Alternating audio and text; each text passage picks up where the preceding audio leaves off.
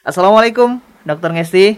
Waalaikumsalam warahmatullahi wabarakatuh. Tetap sehat ya dokter ya. Alhamdulillah Iya. sehat Mas Konan. Sebelum ke pertanyaan-pertanyaan yang akan kami hadirkan, tentunya juga Konan ingin tahu juga tips sehat ala Dokter Ngesti itu yang seperti apa? Kalau dokter Ngesti nggak ada ya. Gak ada ya? ini saya ini aja deh Hmm. tip eh, yang kiat sehat ini Kiat ya, sehat ya. iya. Untuk lansia ini Hmm. dari senior saya ya dari dari guru saya Hmm. bapak guru saya Prof Budi Darmo, Darmoyo. Ini ad- ada eh, kependekan bahagia ya, ada Hmm. singkatan bahagia. B-nya itu berat badan kita eh, dijaga supaya jangan terlalu berat. Hmm, Oke. Terlalu kurus ya nggak boleh ya. Nggak boleh juga ya. Ah, Kemudian A, A-nya tuh aturlah makan ya. Jadi kita makan tuh makan makanan yang memang eh, dibutuhkan oleh tubuh, mm-mm. halal tentunya ya. Iya, jangan asal makan. ya, Jangan Dok? asal makan dan memenuhi kebutuhan tubuh kita ya. Jadi di gizi di tubuh kita itu perlu kemudian Iya. hanya hindari faktor-faktor risiko yang akan menimbulkan penyakit degeneratif, misalnya penyakit jantung, hipertensi, kencing manis, ya itu kalau bisa dihindari, ya misalnya ada merokok Mm-mm. atau minum minuman keras atau gaya hidup yang ini ya nggak nggak pas ya misalkan terlalu santai itu juga. Kemudian A selanjutnya agar terus berguna ya dengan mempunyai kegiatan atau hobi yang bermanfaat. Jadi walaupun sudah lansia itu seyogyanya tetap bermanfaat Hmm. ya. nggih. Kemudian G. G-nya adalah gerak badan yang teratur. I. I-nya adalah iman dan takwa. Jadi wajib untuk menyeimbangkan jiwa dan raga kita ya secara material maupun spiritual memang tetap harus seimbang supaya kita bisa bahagia. A yang terakhir awasi kesehatan dengan periksa ke dokter atau memeriksakan badan kita secara teratur. Oke. Nah, berarti bahagia itu banyak yang bilang itu sebenarnya harus diciptakan ya, Dok ya. Betul. Kita nggak bisa nunggu ya. Iya Oke. jangan nunggu sambil tiduran ya kapan nanti Iya, nggak malah jadi ya. sakit semua ya. Nah, nah untuk bahagia eh, di usia lansia nih, dok, eh, beberapa mengalami mungkin ada sindrom eh, ketakutan, kekhawatiran dan sebagainya. Sebenarnya hal itu lumrah nggak sih dok atau gimana sebenarnya? Enggak ya. Mm-mm. Takut kok jadi tua maksudnya. Takut mungkin eh, apa namanya yang biasanya kerja ada aktivitas, terus Oh, mau ngapain anjir. ini gitu. iya, itu apa banyak yang mengistilahkan misalkan post power syndrome atau apa ya. Mm, mm, mm. Kalau tetap pada lansia ya tetap harus bekerja. Hmm, Tentu mungkin bisa berbeda ya jenis pekerjaannya tadi kita kan harus tetap bergerak, harus tetap berguna. Iya. Nah, bergunanya ini kan dengan bekerja ya. Kalau tidak tanda petik bekerja ini terus gimana bisa berguna? Hmm. Sebenarnya banyak kegiatan yang bisa dilakukan Betul. juga nih ya dok ya. Mungkin kegiatan eh, apa namanya eh, bisa ikut ke dalam suatu majelis taklim yang ada di sekitar ataupun juga eh, menjadi mungkin tokoh masyarakat menjadi ketua RT kayak gitu dok. Iya, Jam- bagus itu. Iya, pokoknya eh, bisa bermanfaat tadi ya. Iya, ada yang unsur penting bahagia bermanfaat, ya, bermanfaat itu tadi ya. Ya, kalau kita bisa bermanfaat at- eh, bisa memberikan artinya kan nanti kalau bermanfaat berarti memberikan kebahagiaan ke orang lain ya. Hmm, Itu Betul. kita juga ada rasa puas ya, jadi lebih senang. Oke, bukan berarti lansia itu ada istilah eh, apa namanya bolehlah eh, apa namanya menikmati waktu bersama keluarga bersama cucu seperti itu ya dok ya. Boleh, iya. Iya, tapi eh, gimana supaya kita tetap bisa bergerak bermanfaat untuk yang lain itu kita harus eh, mungkin eh, bisa mencari tahu. Nah, ini yang cocok biasanya itu kalau dokter Ngesti dicurhati oleh para lansia itu biasanya tentang apa saja sih? Ya, curhat lansia biasa paling penyakit-penyakit dok, beser, apa, terus kok sesak, apa sembarang itu ya. Mm-mm. buyuten apa itu udah bagus pikun. Nah, Hmm. itu berarti sudah normal normal aja tuh ya pada lansia. Ya enggak, harusnya enggak boleh ya. Hmm. Kan tetap harusnya sehat, Heeh. masih ke mana-mana mandiri, masih berguna, masih bisa bermain dengan cucu kan gitu. Iya. heeh. Harapannya itu itu. Oke. Nah, berkaitan tentang infeksi ini, Dok. Infeksi itu eh, mungkin berdasarkan apa fungsi tubuh organ yang memang sudah berkurang atau memang karena eh, ini sudah saatnya bahasanya, Dok? Kita tahu ya kalau penuaan itu proses yang normal Mm-mm, ya. mm-mm. Itu natural tuh. Nah, seiring dengan terkait usia ini penambahan umur ya, pasti akan terjadi apa? pengurangan fungsi organ-organ kita. Mm-mm. Ya, termasuk sistem kekebalan kita, sistem pertahanan tubuh kita sehingga pada lansia mudah terjadi infeksi. Hmm. Nah, itu. Oke. Itu ya yang disebabkan eh, dari eh, apa namanya proses penuaan itu Iya. sendiri ya. Tapi berarti bisa dikatakan tidak bisa untuk dihindari ya, Dok ya? Atau gimana? Proses tua yang tidak Proses bisa tua. dihindari. Oke. Tapi infeksi Bisa. ini sakitnya masih bisa dihindari Iyalah. ya.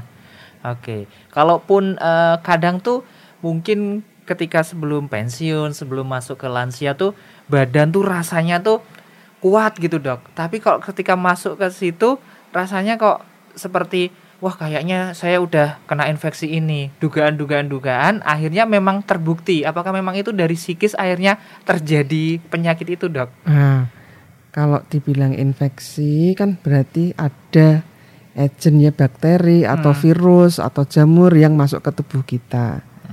Ya kalau hanya karena perasaan itu bukan ya, bukan bukan secara langsung ya, Bukan tetapi langsung ya. kalau kita merasa tua Hmm. ya tanda petik ini merasa tua berarti wis loyo nggak mau Hmm. ke mana-mana Heeh. tiduran doang ya lama-lama memang sistem kekebalan kita jadi lemah, Hmm. gampang terkena infeksi. Misalnya infeksi paru. Ada cucu atau tetangga batuk pilek. Nah, mereka bilang, "Ah, aku pilek biasa nih. Iya. Paling tiga hari sembuh." Heeh. Pada lansia bisa jadi nanti jadi parah, jadi Hmm. masuk rumah sakit karena infeksi parunya. Ya, Oke. oke. seperti, Seperti itu. itu. Nah, infeksi ini kan sebenarnya banyak ya, terutama dari lansia, apalagi eh, dikatakan ketika cek, nah ketahuan bahasanya baru ketahuan gitu kan komplikasi ini dan sebagainya. Nah, yang biasanya itu dalam tanda kutip menjadi langganan para lansia sebenarnya infeksi Iya. apa aja dok? Yang paling sering ya jadi pada lansia itu adalah infeksi saluran pernafasan ya atau Mhm. infeksi paru-paru dan infeksi saluran kemih. Ini yang Hmm, paling sering. paling Makanya sering ya dua hal tadi biasanya tanda petik kalau di kami biasa di- disebut sahabat lansia. Hmm, sahabat yang lansia. tidak disukai ya. Iya iya iya. Karena sering menyebabkan lansia jadi sakit parah. Hmm. Nah, kebanyakan itu infeksi paru yang Infeksi biasanya paru. pneumonia tadi ya Mhm. dan infeksi saluran kemih itu yang paling sering. Faktornya karena apa kira-kira dok? Kok Nah. dua ini seringnya? Kenapa dua ini? Yuk. Ya tadi kita sudah bilang eh, sudah tahu kalau fungsi imun tubuh kita berkurang. Hmm. Sedangkan di lingkungan tubuh kita, di lingkungan sekitar kita kan banyak nih misalkan debu, virus atau bakteri-bakteri yang mungkin bisa menyebabkan infeksi. Kalau pada orang sehat, dewasa muda, mungkin batuk pilek biasa. Iya. Nah, tadi pada lansia bisa jadi parah. Kemudian kalau pada orang muda ada benda asing kan bisa batuk nih. Iya. Nah, pada lansia karena sistem kekebalannya sudah berkurang, jadi nggak batuk tuh. Hmm. Benda asingnya nanggruk di dalam, tetap Oke. aja bercokol di dalam, jadi berkembang biak, jadi gampang parah. Oke. Apa karena memang sistem imun pertahanan dalam tubuh itu sudah banyak berkurang, Dok? Akhirnya menjadi mudah sakit kayak gitu kan? Iya betul. Oke. Nah, dua eh, penyakit itu tadi sebenarnya masih bisa untuk diikhtiari pastinya ya untuk oh bisa iya, apakah bisa sampai sembuh atau terkontrol Ya, sebenarnya, Dok? mestinya sebaiknya dicegah. Dicegah dulu Iya. ya. Nah, kita ngomongin pencegahan dulu nih ya. kalau eh, kita tarik mundur dulu aktivitas ketika muda supaya tidak bisa dalam dalam arti tidak bisa dalam konteks kita bisa berikhtiar. Apa yang bisa kita lakukan supaya tidak terkena dua infeksi itu? Iya, Dok? pertama eh, yang jelas kalau pada lansia kalau ada orang batuk pilek ya jangan Hmm. deket-deket Oke, jangan deket-deket ya. pakai masker kalau Hmm. ke mana-mana itu untungnya kita kemarin ada musim covid suruh pakai Hmm. masker ya Ada ininya juga hikmahnya ya, Dok ya. Oke. bisa mengurangi resiko penularan Mm-mm. batuk pilek tadi. Nah, itu yang pertama pencegahannya hindari dulu. Ya, jadi kalau ada yang batuk pilek jangan deket-deket. Kemudian bagaimana kita bisa meningkatkan sistem kekebalan, Kekebalan tubuh, tubuh. kita. Perta- Satu, misal dari luar misalnya kita bisa melakukan vaksinasi ya, Hmm. pneumonia. Kan ada nih vaksinasi pneumonia, vaksinasi influenza supaya nggak Hmm. terkena eh, penyakit saluran nafas atau penyakit paru. Mm-mm. Kemudian dari dalam tubuh kita sendiri yang jaga kekebalan tubuh kita supaya jangan terlalu lemah. Dengan apa? Ya tadi yang saya ceritakan pertama olahraga teratur, makan makanan yang sesuai dibutuhkan kita. Ada balance antara apa spiritual dan material ya. Jadi Oke. eh, eh, ada iman takwa, gerak badan ya itu itu akan lebih baik sehingga akan meningkatkan kekebalan kita. Oke, jadi kalau udah kebal ibarat kata juga eh, kita ikhtiar secara internal dan eksternal ya dok ya. Hmm. Internalnya kita bisa makan konsumsi minum obat-obatan atau mungkin multivitamin seperti itu. Ya. Eksternalnya berarti kalau ada yang sakit kayak gitu-gitu kita eh, bisa untuk jaga jarak pakai masker ya dok ya. Iya betul. Heeh, supaya nanti virusnya eh nggak bisa masuk seperti itu. Iya. Nah, ini dok yang kadang menjadi kekhawatiran karena mungkin sudah lansia, eh, keinginan kadang ada tetangga atau saudara yang sakit di rumah sakit gitu kan, pingin nengok, tapi kan se- sementara saat diri sendiri itu kan dijaga, menjaga. Akhirnya pilih nggak ke rumah sakit, itu pilihan yang tepat atau bagaimana Iya, sebenarnya? dok? menurut saya itu lebih bagus gitu.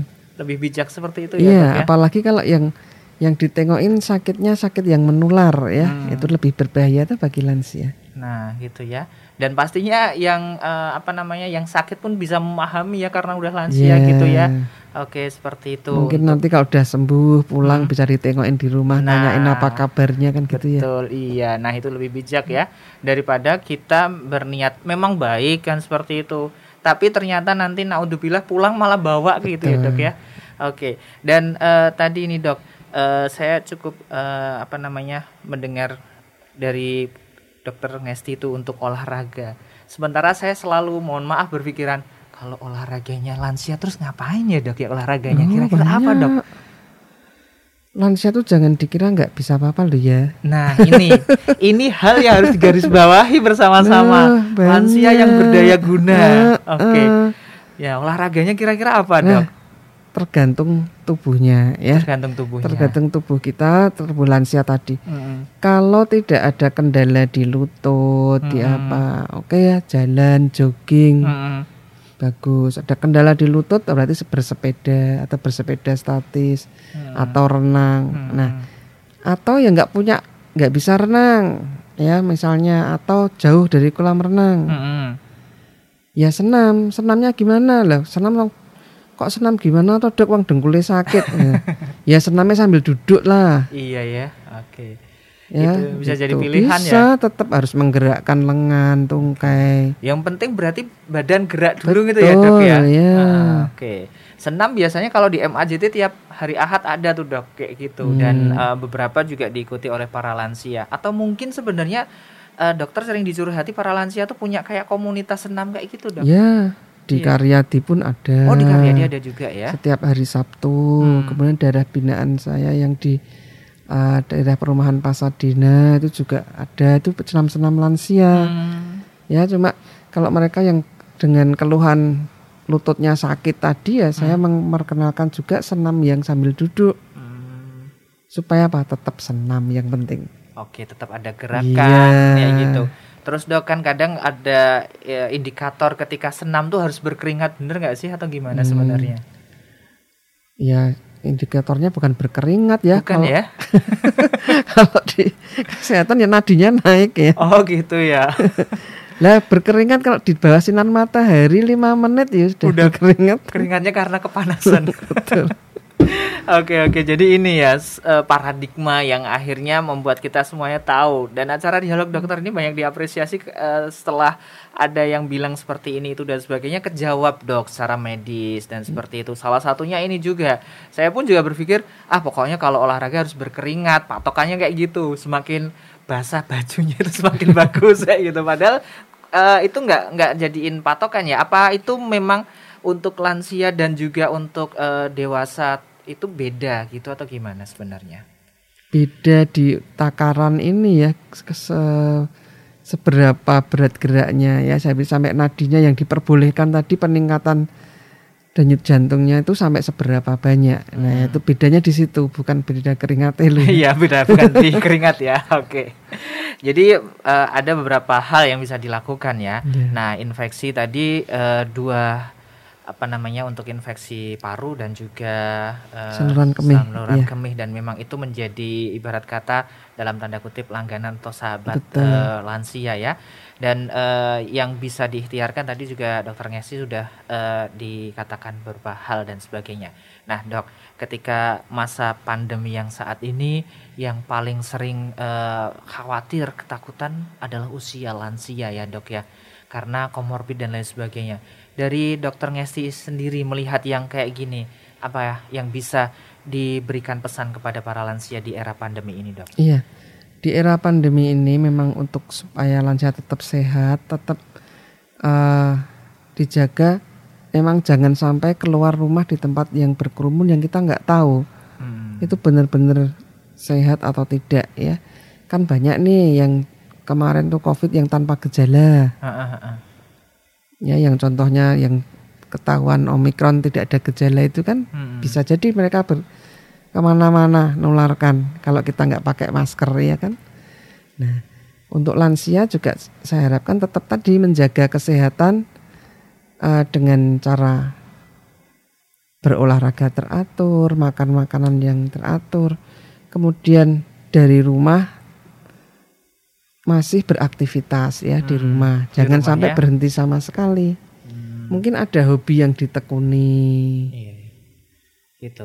Dok, kok saya tiba-tiba kepikiran kalau umpamanya rumahnya eh, apa namanya ada tangga itu naik turun tangga termasuk olahraga nggak sih? Oh iya jelas naik Iya. turun tangga. Ya tapi kan tidak semua bisa ya. Ya, Iya. Tadi yang lututnya sakit ya mesti Nah. tak. Saya bilang nggak boleh jangan naik turun tangga. Mm-mm. Kamarnya pindah bawah. pada bawah ya. Oke. Nah, mungkin juga sambil eh, kalau sekarang kan tinggal apa namanya eh, nyetel YouTube atau apa olahraga sendiri di rumah boleh nggak sih dok? Boleh. Boleh ya. bagus. Berarti olahraga tuh nggak harus di luar ruangan ya dok ya? Nggak harus. Yang penting teratur ya. Mm-mm. Ya saran saya kan biasanya olahraganya eh, 150 menit dalam seminggu. 150 menit dalam iya, seminggu ya. jadi mungkin bisa 30 menit sehari, lima ka, lima hari dalam seminggu ya. Oke, berarti nggak lama-lama juga ya nggak? Enggak lah, enggak salah lama-lama. Itu dia sudah bagus kok. Hmm, Oke. Nah, kata teratur berarti itu tadi ya. Yang penting eh, selama sehari aja nyisihin waktu 30 menit bisa Iya. untuk ini ya. Oke, dan untuk eh, kesehatan itu sendiri dalam artian lansia ini apa yang ibarat kata dokter ingin katakan seperti tadi. Lansia itu eh, apa namanya? yang ibarat kata enggak harus di rumah terus maksudnya bisa bergerak ini dan sebagainya. Atau apalagi dok yang sebenarnya bisa disampaikan kepada para lansia? Iya, pada prinsipnya eh, kita tidak boleh berparadigma kalau sudah lansia itu mesti renta ya, Hmm, mesti rapuh. Tidak boleh ya, tapi tetap harus yakin kalau masih walaupun sudah lansia tetap masih bisa bermanfaat bagi lingkungan sekitar. hmm, Yang kebiasaan ngaji di lingkungan ya tetap aja ikut perkumpulan pengajian ya. Kemudian mungkin malah karena sudah lansia banyak waktu luang anak-anaknya sudah gede ya Iya. sudah menikah menikah nggak ada nggak perlu diurusin langsung mungkin bisa bermanfaat tadi di lingkungannya jadi kader kesehatan hmm. kader posyandu ya, atau PKK aktif di begitu malah itu akan lebih baik ya jadi eh, tetap berkegiatan Nah, bagaimana yang tidak terbiasa dengan lingkungan seperti itu? Ya banyak juga perkumpulan-perkumpulan lansia yang Hmm. bisa eh, diikuti ya supaya tetap ada aktivitas. Oke, jadi dengan kebermanfaatan itu akhirnya membuat diri ini kan bahagia gitu ya ya. Betul, itu tujuannya kan Tujuannya itu, gitu ya. iya. Kalau udah bahagia, insya Allah nanti kesehatan selalu bersama kita semuanya. ya. Insya Allah. ya.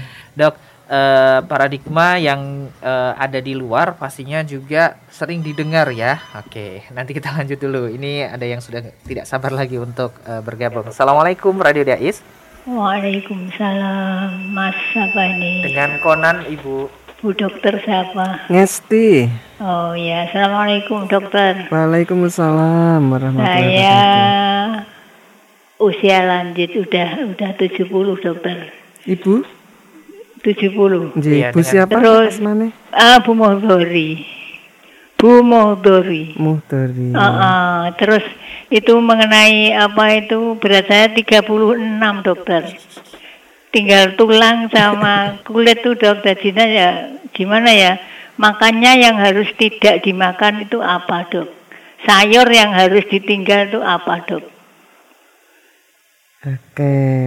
Terus Apalagi, apa ya? Eh, apalagi ya kaki saya sebelah kiri dari dengkul sampai telapak itu berat terus dok.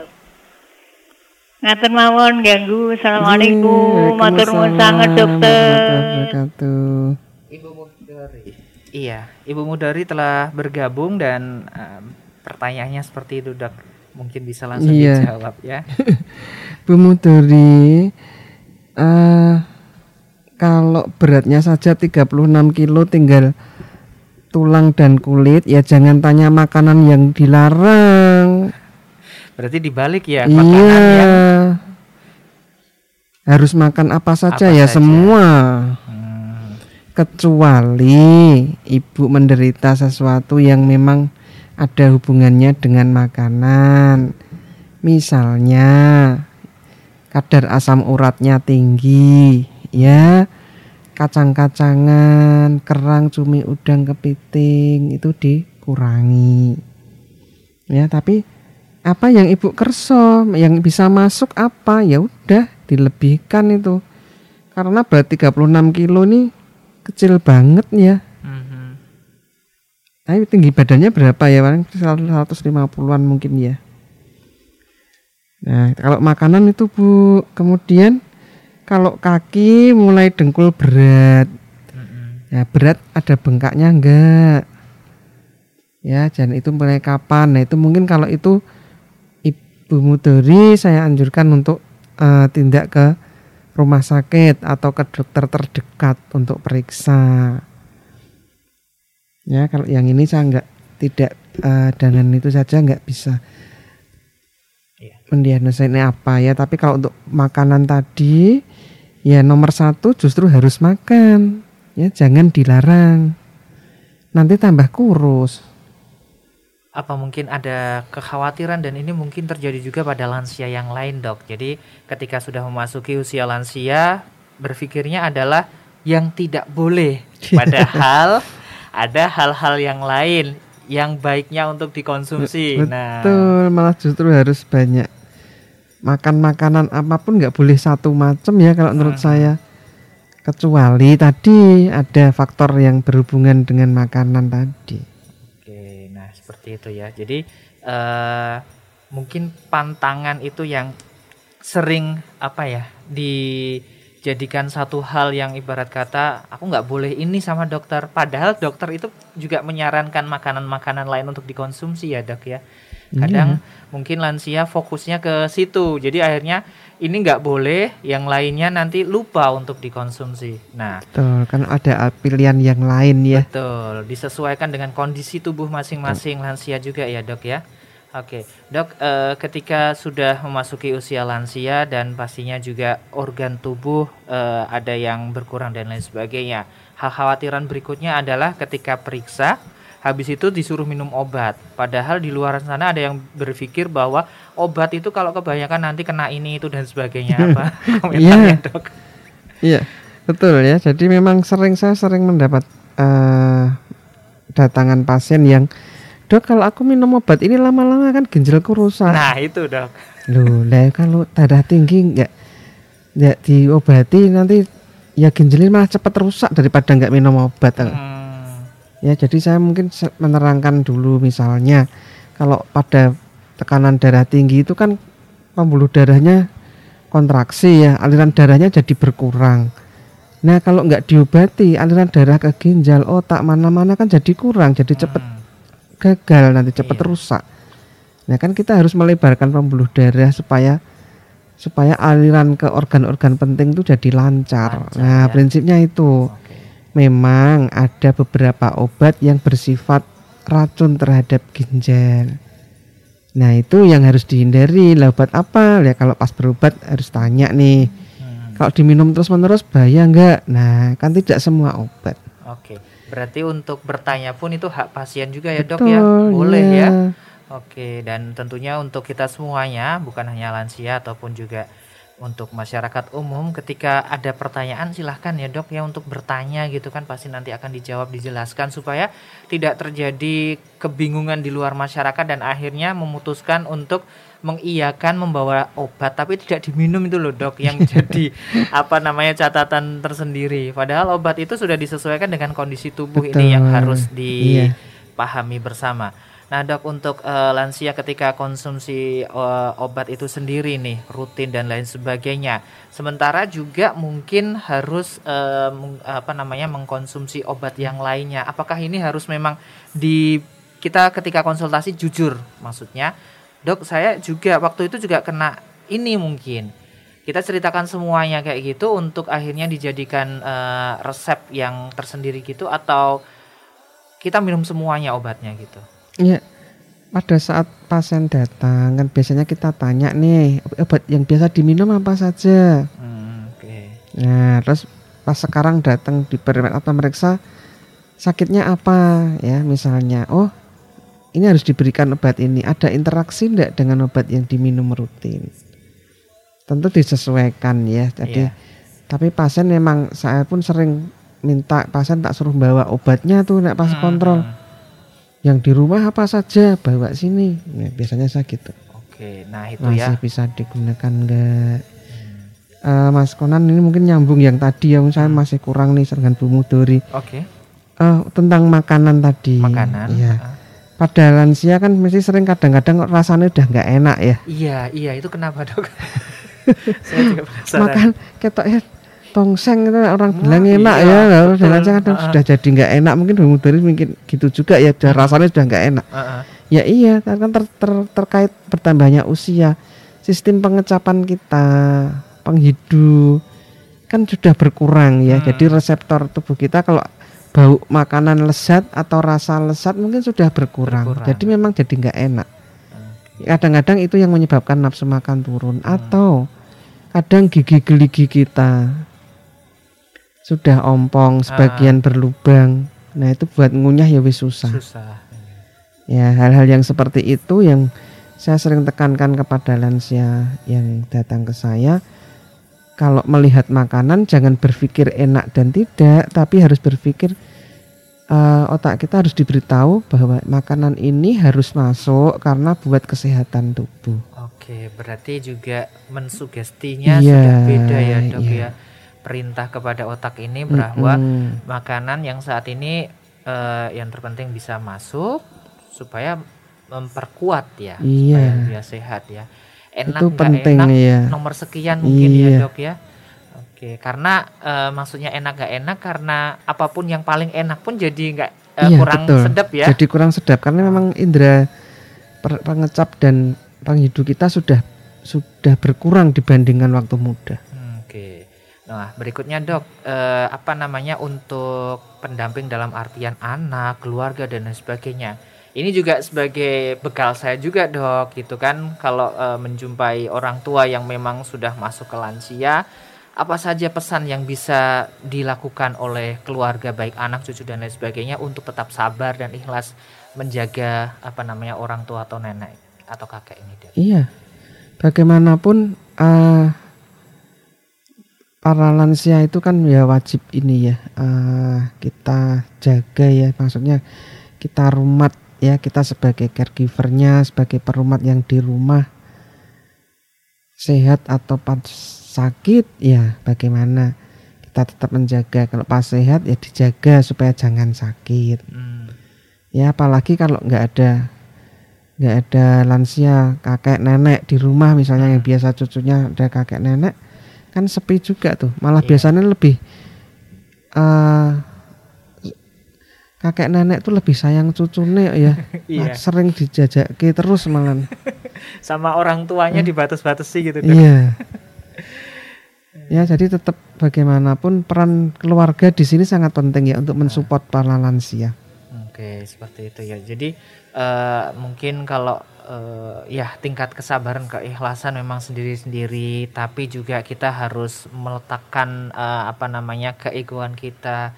Dulu kita dijaga, dirawat dan sebagainya bergantian seperti itu mungkin fungsinya ya, Dok ya. betul ya Dok, berikutnya yaitu ketika eh, paradigma di luar menganggap para lansia mohon maaf ini bukan berarti saya menjudge atau bagaimana, tapi ada yang bilang oh eh, ketika sudah memasuki usia senja, usia lansia itu eh, kembali ke masa anak-anak. Apa memang paradigma itu sudah menguat dan memang terjadi di Indonesia kayak gitu atau gimana dokter kalau ketemu para lansia gitu? Iya, eh, itu paradigmanya. Tapi menurut saya itu nggak betul ya. Nggak betul ya dok ya? Ya memang kalau sudah terjadi kebanyak kemunduran tadi, misalnya kemunduran pikiran jadi demensia atau pikun, tentu Ah. sudah jadi anak-anak. Kalau pikunnya sudah parah bisa ngobrol lagi, Hmm, sudah tidak ngerti mana kamar mandi, ya mana tempat tidur. Sama saja seperti anak-anak yang bayi. hmm. Ya, tetapi pada kalau yang belum demensia tentu masih kita masih memerlukan beliau untuk petuah-petuahnya ya karena kadang karena pengalaman hidupnya mungkin lebih bijak daripada yang muda Hmm. ya. Jadi belum tentu itu seperti itu kita tahu sendiri banyak contoh lansia yang masih ini ya segar ya Iya, berdaya guna. Nah, masih tetap berdaya guna, masih bisa memimpin negara malah ya. Iya. Oke. Dan eh, pesan juga kepada para generasi saat ini, pastinya kan beda zaman, beda juga eh, apa namanya perilaku hidup dan lain sebagainya, dok. Pesan kepada saya ataupun generasi yang sebelum saya ataupun yang setelah saya dalam artian, ketika nanti kita di usia lansia itu yang berdaya guna itu, apa yang sebenarnya lifestyle yang harus kita lakukan, apalagi yang sekarang ini sering kali mungkin tidur tengah malam, dini hari, nongkrong dan sebagainya itu kan hal-hal yang kurang baik. Apa yang harus eh, kita lakukan dok untuk bisa merubah dan sebagainya dok? Iya. Sebetulnya na- eh, apa yang nanti kita dapatkan saat lansia tuh di tubuh kita itu mungkin sudah sudah kita tabung sejak dini ya.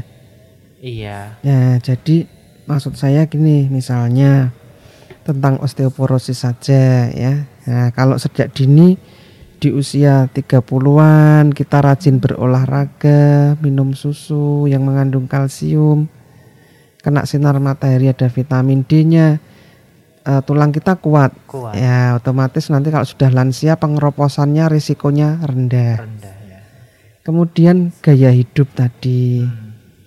ya yang biasa menyebabkan penyakit-penyakit degeneratif misalnya merokok, minum alkohol ya, makan makanan berlemak terus-terusan ya kalau istilah apa, junk food ya mungkin iya, ya. Iya junk food. Tidak memakan makanan yang sehat. Nah, itu mungkin juga ber- imbasnya tentu pada kondisi lansia atau bahkan sebelum lansia sudah jadi terjadi penyakit-penyakit degeneratif, sakit jantung, Hmm. hipertensi, ya misalnya seperti itu, atau bahkan stroke. Ya, walaupun belum lansia, mungkin karena gaya hidup tadi, kebanyakan melek, Iya. ngopi, ngerokok terus gitu ya misalnya. Nah, yang ya kita pasti harus kita upayakan supaya bergaya hidup sehat. Bergaya hidup sehat itu yang bagaimana? Ya, tadi yang dari bahagia eh, anjurannya Prof Budi tadi. Jadi tetap eh, seimbang.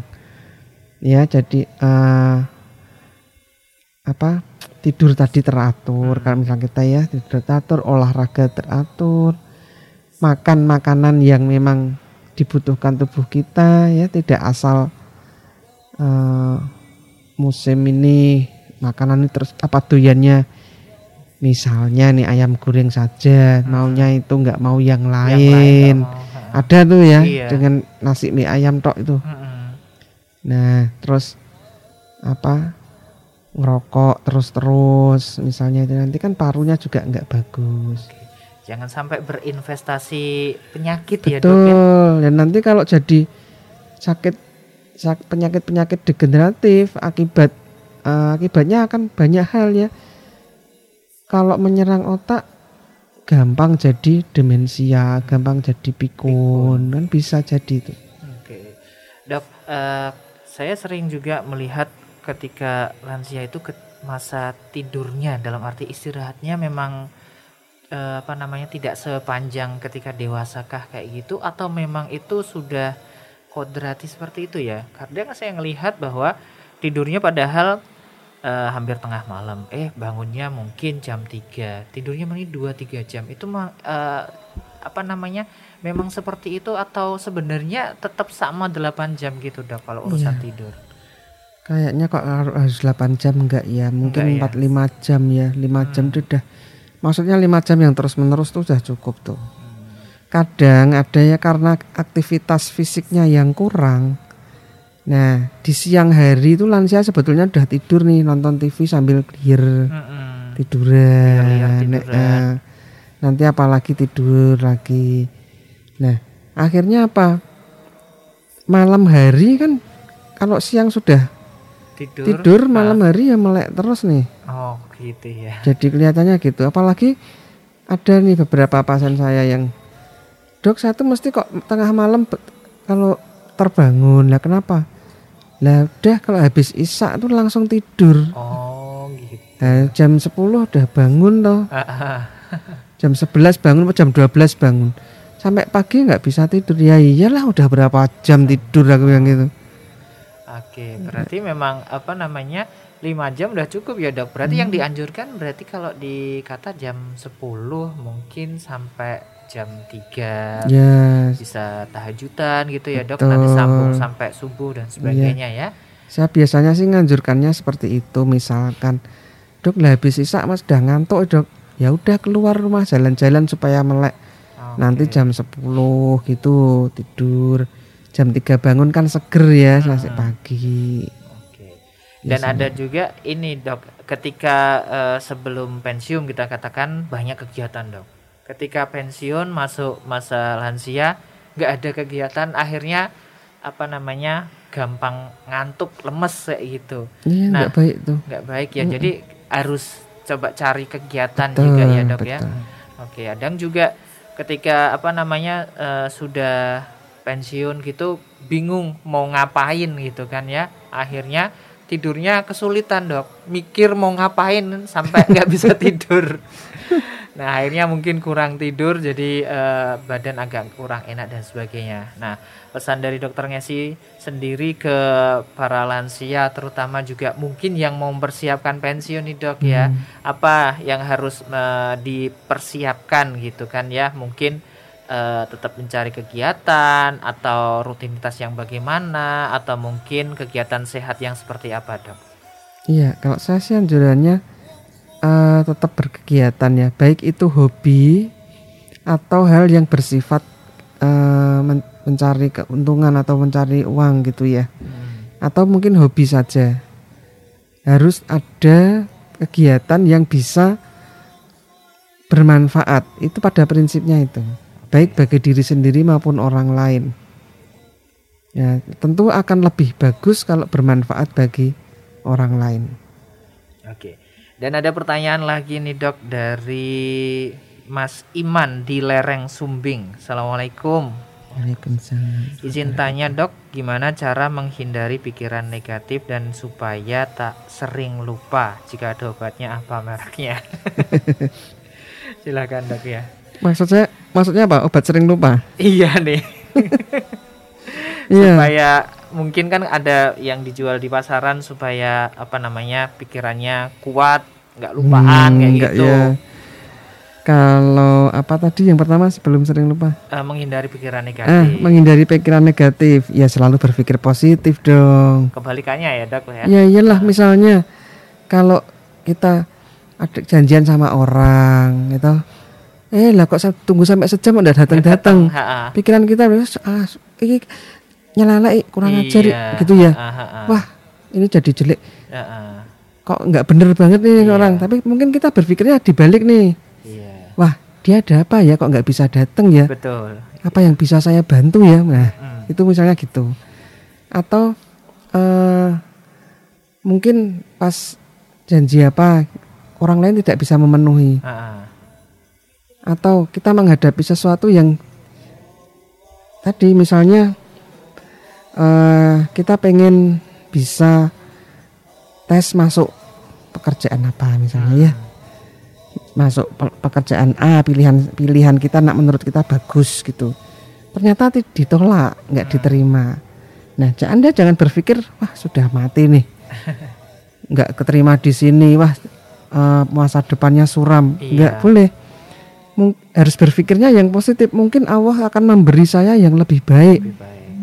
tidak di A mungkin di B Iya. di B besok ini akan lebih bagus. Nah, itu yang harus ditanamkan.